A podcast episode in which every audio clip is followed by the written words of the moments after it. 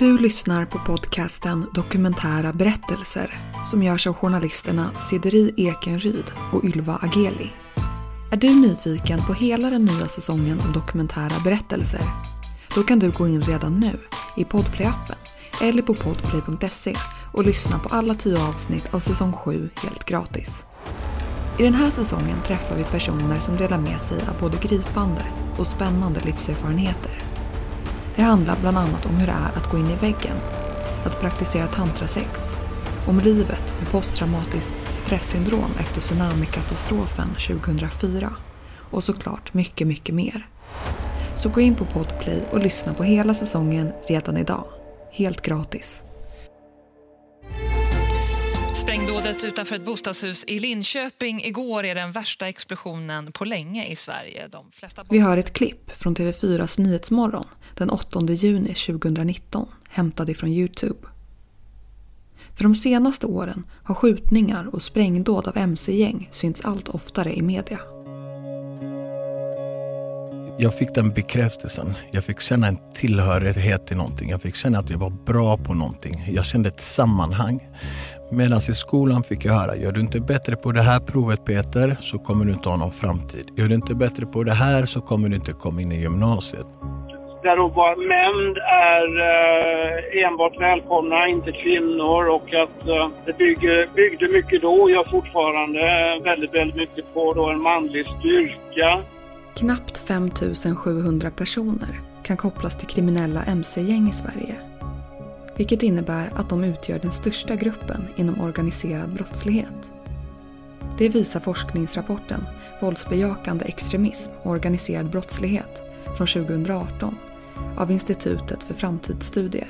Där gjorde jag mitt val in i kriminaliteten.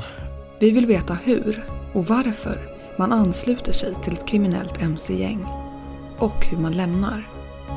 I det här avsnittet berättar Peter sin historia om resan in i kriminalitet och så småningom in i brödraskapet Wolfpack. I början av min kriminalitet, jag kunde inte se någonting dåligt med det. Jag kunde inte se någonting utan för mig, det blev mitt kall i livet. I avsnittet hörs också Fredrik Gårdare, kriminalkommissarie som leder insatser mot gängkriminalitet. Fokus på att lösa saker och ting eh, där våld är helt okej. Okay. Det är till och med rätt att använda våld och att eh, våldet i sig höjer eh, manligheten.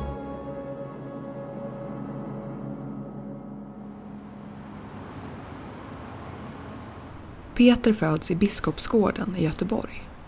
Hans pappa finns inte med i bilden utan han växer upp med sin mamma. Men det som blev problematiskt det var ju också när min mamma drack alkohol.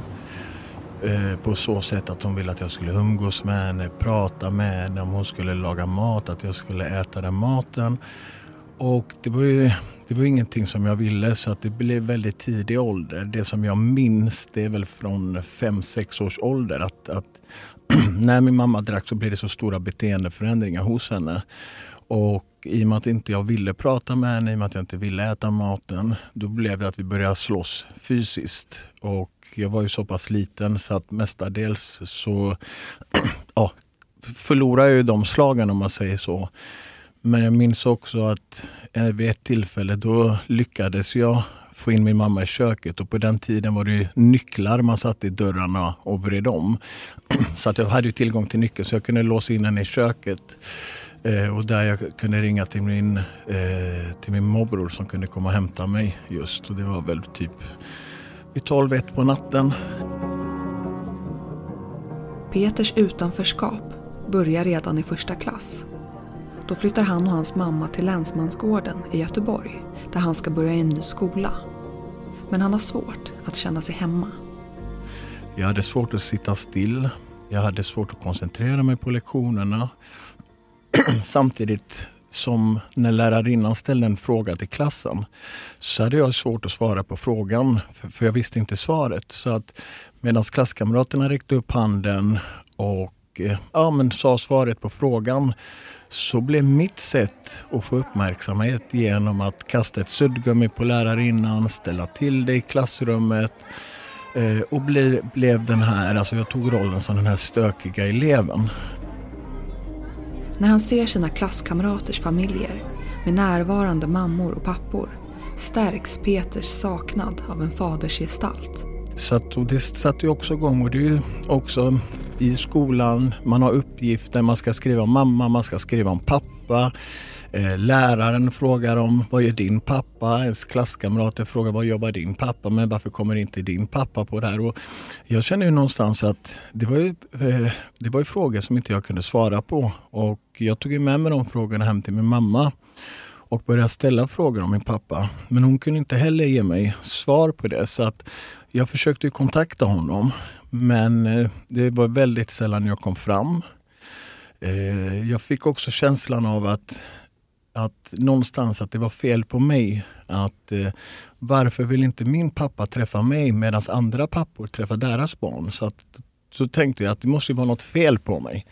Vad är det som är fel? Så att när jag föddes, eller när jag döptes, så döptes jag till Peter Johansson. Och eh, min pappa hette Svensson. Så att en dag kom jag hem från skolan och eh, jag säger till min mamma att jag vill byta efternamn. Jag vill heta Svensson. Så hon säger att jag kan hjälpa dig med det, men vad är anledningen till att du vill göra det? Och för mig var ju anledningen att om jag byter efternamn så kanske min pappa vill börja träffa mig. Eh, att det kanske är det som var någonting också som var fel.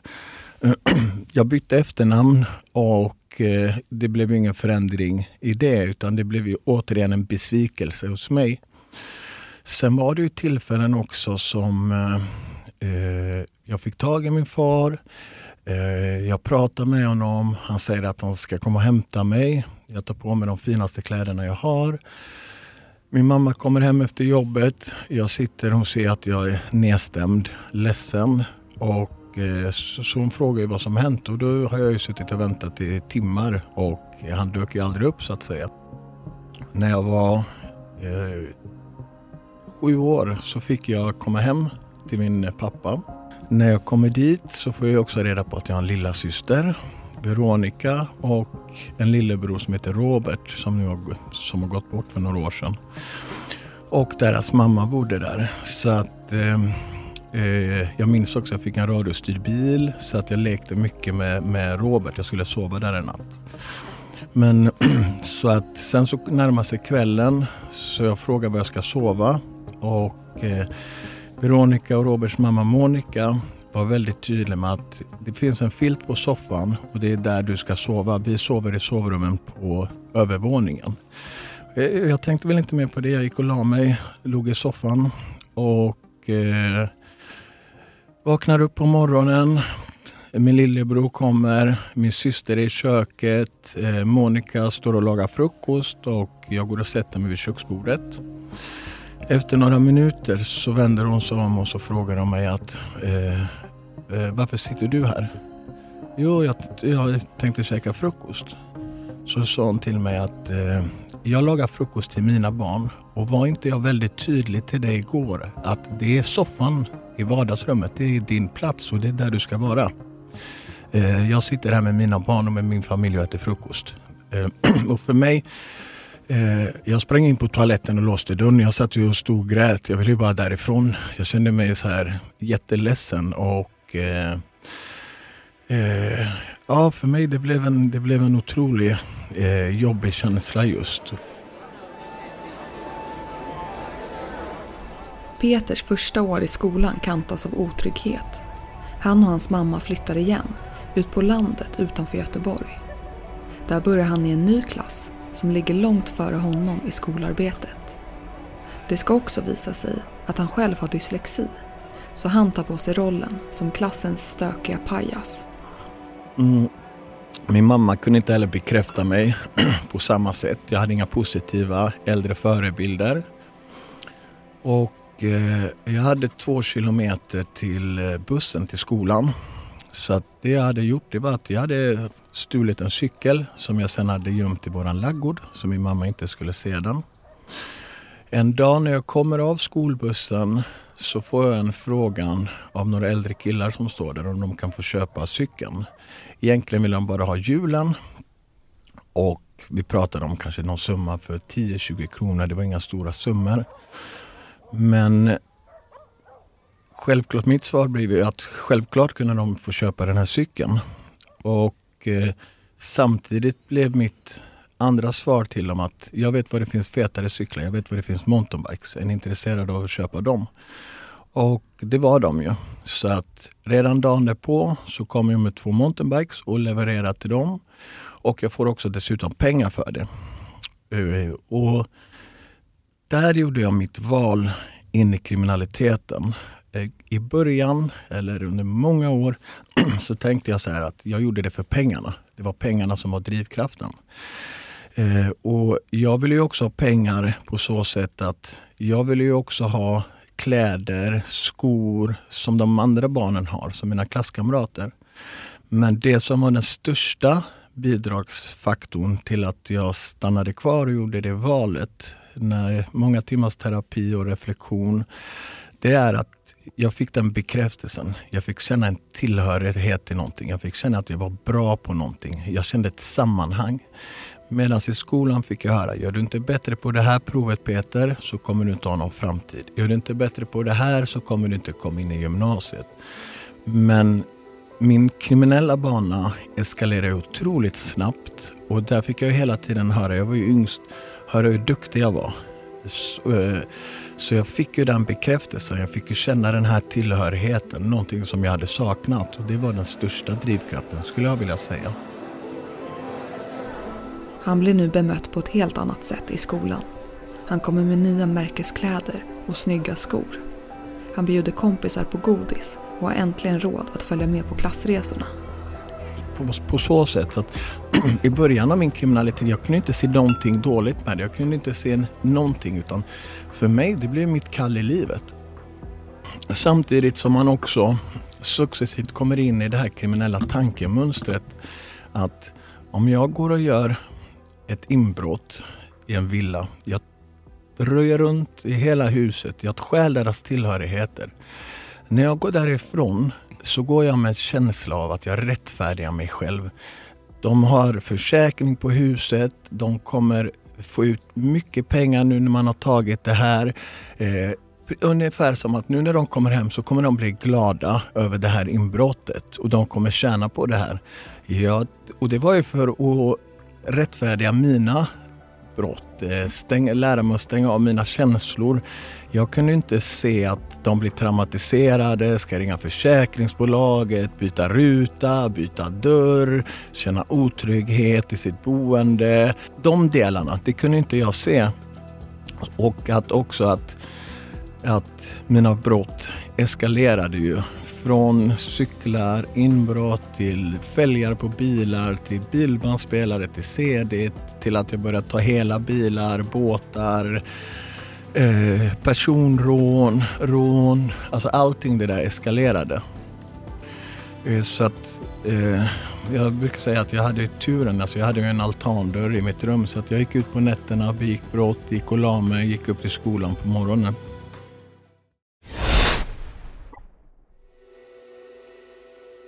När han är 16 år är det dags att börja gymnasiet. Han börjar på byggprogrammet och upptäcker samtidigt att andra i skolan är intresserade av att köpa droger. Det var ingenting som jag hade hållit på med tidigare, varken tagit eller sålt. Men i och med att jag levde i den miljön så visste jag ju var jag kunde få tag i narkotika och, eh, och vilka priser jag hade. Så att jag gick, gick och köpte narkotika, amfetamin, ecstasy, cannabis. Och så sen tog jag med mig det till skolan. Så sålde jag det till ja, de övriga där. Samtidigt så sprider sig också ryktet så att det börjar ju även utanför skolan. På min fritid börjar jag också sälja narkotika. Jag flyttar, jag går klart första året. Andra året väljer jag inriktning anläggningsarbetare. Det är ett, en veckas praktik, en vecka teori. Så jag sköter praktiken på Vattenverket i Göteborg. Tyckte det var jättekul. Eh, uh, det teoretiska när jag var i skolan, det var ju mer att jag gick, begick brott när jag var på skolområdet. Och när jag är 17 så väljer jag att flytta hemifrån. Uh, jag vill ha mitt egna boende. Och sedan när jag är, vad är jag, 18 Eh, första gången jag kommer i kontakt med polisen som en tidig morgon kommer och knackar på dörren. Jag hade precis kört min dåvarande flickvän Beatrice till flygplatsen. Hon skulle iväg och arbeta. Och när jag kommer hem så står några och knackar. Det är sju på morgonen. Min hund, eller våran hund, skäller. Och jag tänker, jag orkar inte öppna dörren. De säger stäng av vattnet, det är vattenläcka allting. Till slut så orkar jag inte med. Jag kollar i nyckelhålet, det stod några byggarbetare där. Och så jag öppnar dörren. Då var det civilklädda poliser och det var husrannsakan, det var in på häktet och det här var ju en del i en större narkotikahärva där det var totalt 23 stycken gripna tror jag. Så att, eh, så, så att det var min första kontakt och där satt jag en månad på häktet, Göteborgshäktet. Han sitter i häkte i en månad och när det är rättegång döms han för innehav av narkotika. Straffet har han redan avtjänat i och med tiden i häktet och han släpps ut igen. Så att istället för att tänka att det här är någonting, kanske se konsekvenserna i det, så kände jag mig som Stålmannen när jag kom ut. Nu vet jag att jag inte ska öppna dörren, jag vet att jag inte ska ha någonting hemma. Jag trodde jag kunde hela världen och har en känsla av att det finns ingen chans eh, att jag kommer bli gripen i fortsättningen. Började du missbruka droger själv då? Det började mer vid 19-20 års åldern där. Som, ska vi se, när jag gick ut skolan, för jag gick ut skolan och Eh, i samband med det också, när jag inte hade någonting att göra, så blev det att man rökte cannabis. Då var det också att jag höll på också med GHB. Att, man, att jag började dricka det. Och det ledde ju till, ja men man tog det på kvällen för att koppla av och så, sen så leder ju det till ett missbruk. Och det har varit olika droger under olika perioder som jag har tagit. På grund av de brotten jag begick, till slut jag kunde inte stänga av mina känslor. Eller jag, det, jag kunde stänga av mina känslor till en viss del. Men det jag gjorde, det började komma ikapp mig. Och det blev den enkla vägen att fly om jag ska leva i den världen då kan jag inte visa känslor. Eh, jag kan inte vara känslosam och då, då tar jag någonting för att bedöva känslorna. Sen tar jag någonting för att orka med dagarna. Det var högt tempo så att det blev en del av den livsstilen som jag levde för, för att jag skulle kunna klara av att leva på det sättet. Det är vid den här tiden Peter fattar ett beslut. Han går ut skolan och blir erbjuden jobb. Men han har bestämt sig. Han ska bli livsstilskriminell. Vid 20 års ålder kontaktade två killar mig eh, från ett gäng, Brödraskapet Wolfpack. Det har stått, under den perioden stod det också otroligt mycket om de här i tidningarna. Det stod ju absolut inget positivt, men, men det stod ju också om hur våldsamma de var, hur de växer. Och det var ju någonting som jag som kriminell attraherades av. Brödraskapet var jag med om när det startade upp. Jag, jag har jobbat i flera utredningar och insatser mot dem. Vi hör Fredrik Gårdare, kriminalkommissarie som leder insatser mot gängkriminalitet. Vi ber honom berätta mer om just brödraskapet Wolfpack. Det bildades inne på äh, fängelser på våra säkerhetsavdelningar, klass 1-anstalt. Det heter då på Hall och Kumla Uh, och det bildades av, ja, från början en person som, som nu är död, mördad. Daniel Fitzpatrick hette han. Daniel Fitzpatrick bildar tillsammans med andra intagna Brödraskapet Wolfpack år 1995. Och eh, de kom in med ett nytt koncept och en helt ny standard till den svenska kriminella miljön. Genom att då vara välorganiserade, ha ett väldigt eh, militäriskt, eh, hierarkiskt system. Dessutom hade man ett varumärke som man hade på eh, kläder och eh, man hissade flaggor med sitt varumärke och eh, visade en stolthet för att tillhöra den organisationen och att då leva efter egna regler och, och normer. Eh, jag vet inte vad det här mötet handlar om. Eh, så att jag känner mig självklart nervös. Vi ska ses på en central plats. Jag tar med mig några vänner som håller sig i bakgrunden. Och eh, när jag kommer fram till de här killarna så känner jag att stämningen var lättsam. De säger till att de har hört talas om mig och de frågar mig om jag är intresserad av att gå med i det här gänget. Det är liksom lite äldre kriminella var det vid bildandet. Det var rånare, en hel del var dömda för mord. Det var grovt kriminella helt enkelt som då genom eh, grundarna helt enkelt tog, tog grejer från Hells Angels och Bandidos och sen försökte de bygga en egen organisation utav det, utifrån det och det blev någon hybrid då mellan ett vanligt äldre gatugäng och ett mc-gäng. Så att brödraskapet, eh, det är väldigt speciellt. Vi har liksom ingenting som går, liksom går att jämföra. Många kallar dem för fängelsegäng då från början. att Det var ett av våra första fängelsegäng därför att alla satt ju inne när man bildades. Men sen kom man ut och man, man fixade klubblokal, alltså en lokal som liknar exakt det som Hells Angels och Maldidos hade. Man, man fixade skinnvästar med märke på. Märkena såg ut precis som Hells Angels och Bandidos. Man hade presidenter och vicepresidenter och hangarounds och sergeant at arms och man tog efter väldigt, väldigt mycket då, men det blev ju aldrig så. Det är inte ett äkta mc-gäng så. Inga motorcyklar, inga motorcyklar till exempel då som... Den skilde ju också. Och ja, den känslan jag fick, det är lite som när jag sålde den här första cykeln. När jag kom in i den här tillhörigheten, den här bekräftelsekänslan. Jag kommer nervös till ett möte, spänd i känslor för jag visste inte vad som skulle hända. Till att, wow, vill de här ha med mig? Är jag så bra? Medan andra har försökt gå med i gäng, alltså det har tagit tid. Så att, och samtidigt tänkte jag också att det här är nästa steg. Det här är att bli riktigt kriminell. Jag kan inte bli mer kriminell sen. Samtidigt det blir också, jag, tänker, jag tänkte på den här tillhörigheten, jag fick bekräftelse, sammanhang, men också att det blir en skyddsfaktor. För hur mer pengar du tjänar i kriminaliteten, hur mer fiender, ovänner och problem stöter man på. Så att det blir också en skyddsfaktor för mig normen var att, eh, att det var en, ett manligt brödraskap med eh, då historiskt manliga normer. Där då var män är eh, enbart välkomna, inte kvinnor och att det bygger, byggde mycket då och gör fortfarande väldigt, väldigt mycket på då en manlig styrka.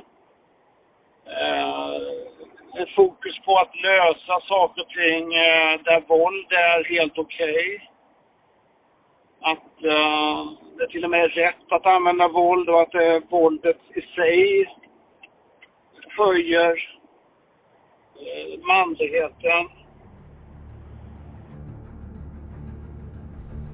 Peter går med i gänget och det fungerar som många andra, precis som Fredrik Gårder berättar. Innan man kan bli fullvärdig medlem måste man börja som hangaround. Vad det innebär det är att du är en dräng du ska köra medlemmar, du ska städa klubblokalen, du ska stå vakt på fester, eh, du ska begå brott för gänget, du ska utföra våldshandlingar för gänget. Det det handlar om egentligen det är att du ska bevisa att du är värdig, att du tillför gänget någonting till att du kan avancera till nästa steg som prospect. Efter några månader, jag har inte varit så jättemycket för de här skinnvästarna, men man fick ett märke här och eh, efter en månad, två, tre månader så kände jag att fasiken, det var inte så stor skillnad det här. Det blev inte så mycket bättre. Men jag intalar ju mig att bara jag blir prospect så kommer det bli bättre. Eh, och minimum måste du vara hangaround i ett år innan du kan avancera till prospect. Du kan också vara hangaround i fem år. Det finns inga så här gränser åt det hållet. Ja, historiskt sett om vi tittar på då, nu då 50-60 år så, så är det narkotikan som har varit en väldigt stor inkomstkälla. Det är eh, indrivningsverksamhet, inkassoverksamhet, utpressning. Man har varit rätt inblandad i eh, i porrindustrin. Jag, jag gör nog inga större pengar nu i alla fall på det, men det har varit en inkomstkälla internationellt sett. Och sen är det mycket ekobrott nu i modern tid, mycket företagsfiffel. Efter ett år är det dags för nästa steg. Peter går vidare till att bli det som kallas för prospect. Och det sys på ett till märke på västen.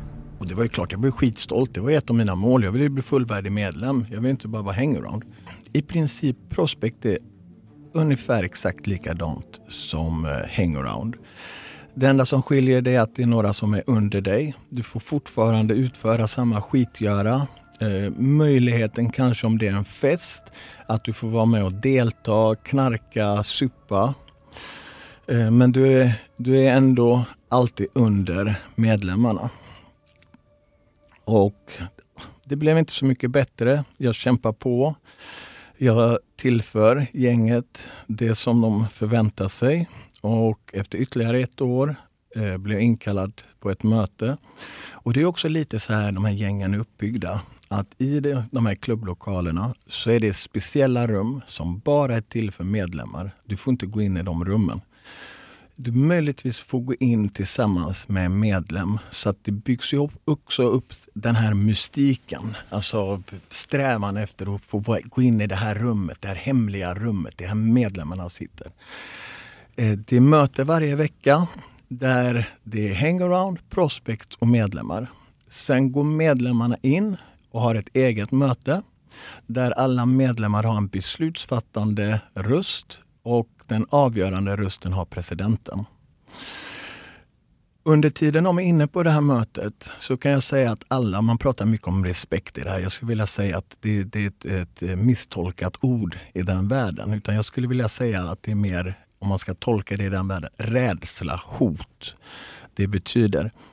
Och jag skulle vilja säga att alla var nervösa under det mötet som medlemmarna hade. För du vet inte sen vad som händer när de kommer ut eller vilka beslut som tas. Det kan vara beslut som tas att ja, den här prospekten har gjort bort sig. Ni, vilka, vill, vill, vilka vill slå på honom? Och då vill man ju gärna vara först och så räcker upp handen att självklart jag kan bidra. Och så får man smacka på en kille där, ta alla hans tillhörigheter för någon historia som man egentligen inte vet om. Eh, eller så kan det vara att ni måste åka, den här killen är skyldig pengar, ni måste åka och driva in de här pengarna, ni ska pressa den här på det här. Efter ytterligare ett år som prospect kallas han in till ett rum. Där sitter medlemmar från hela Sverige och väntar på honom.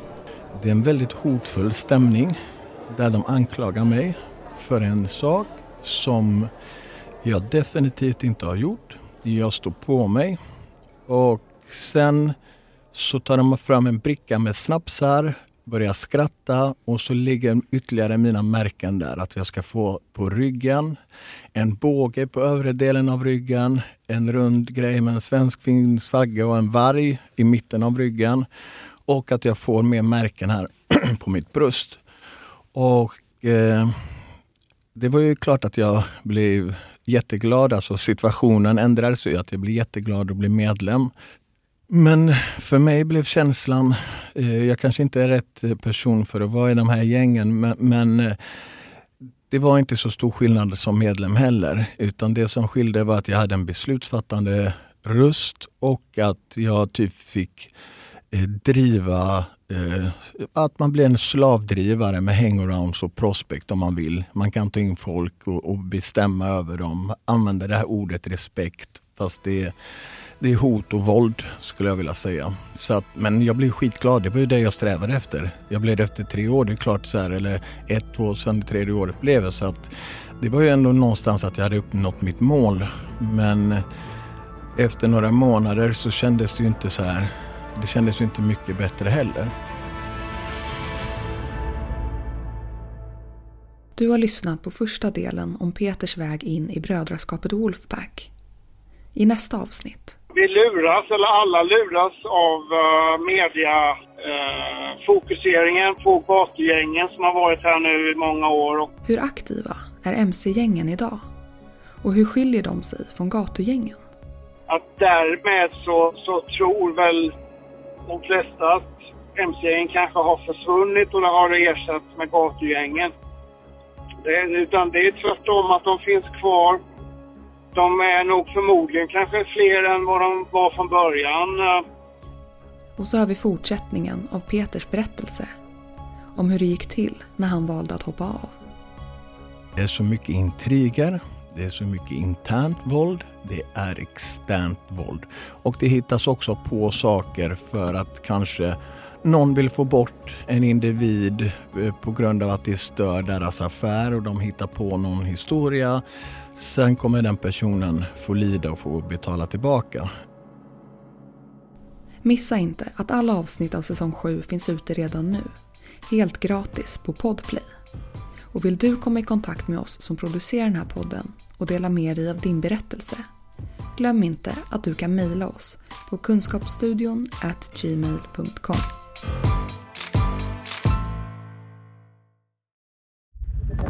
Podplay, en del av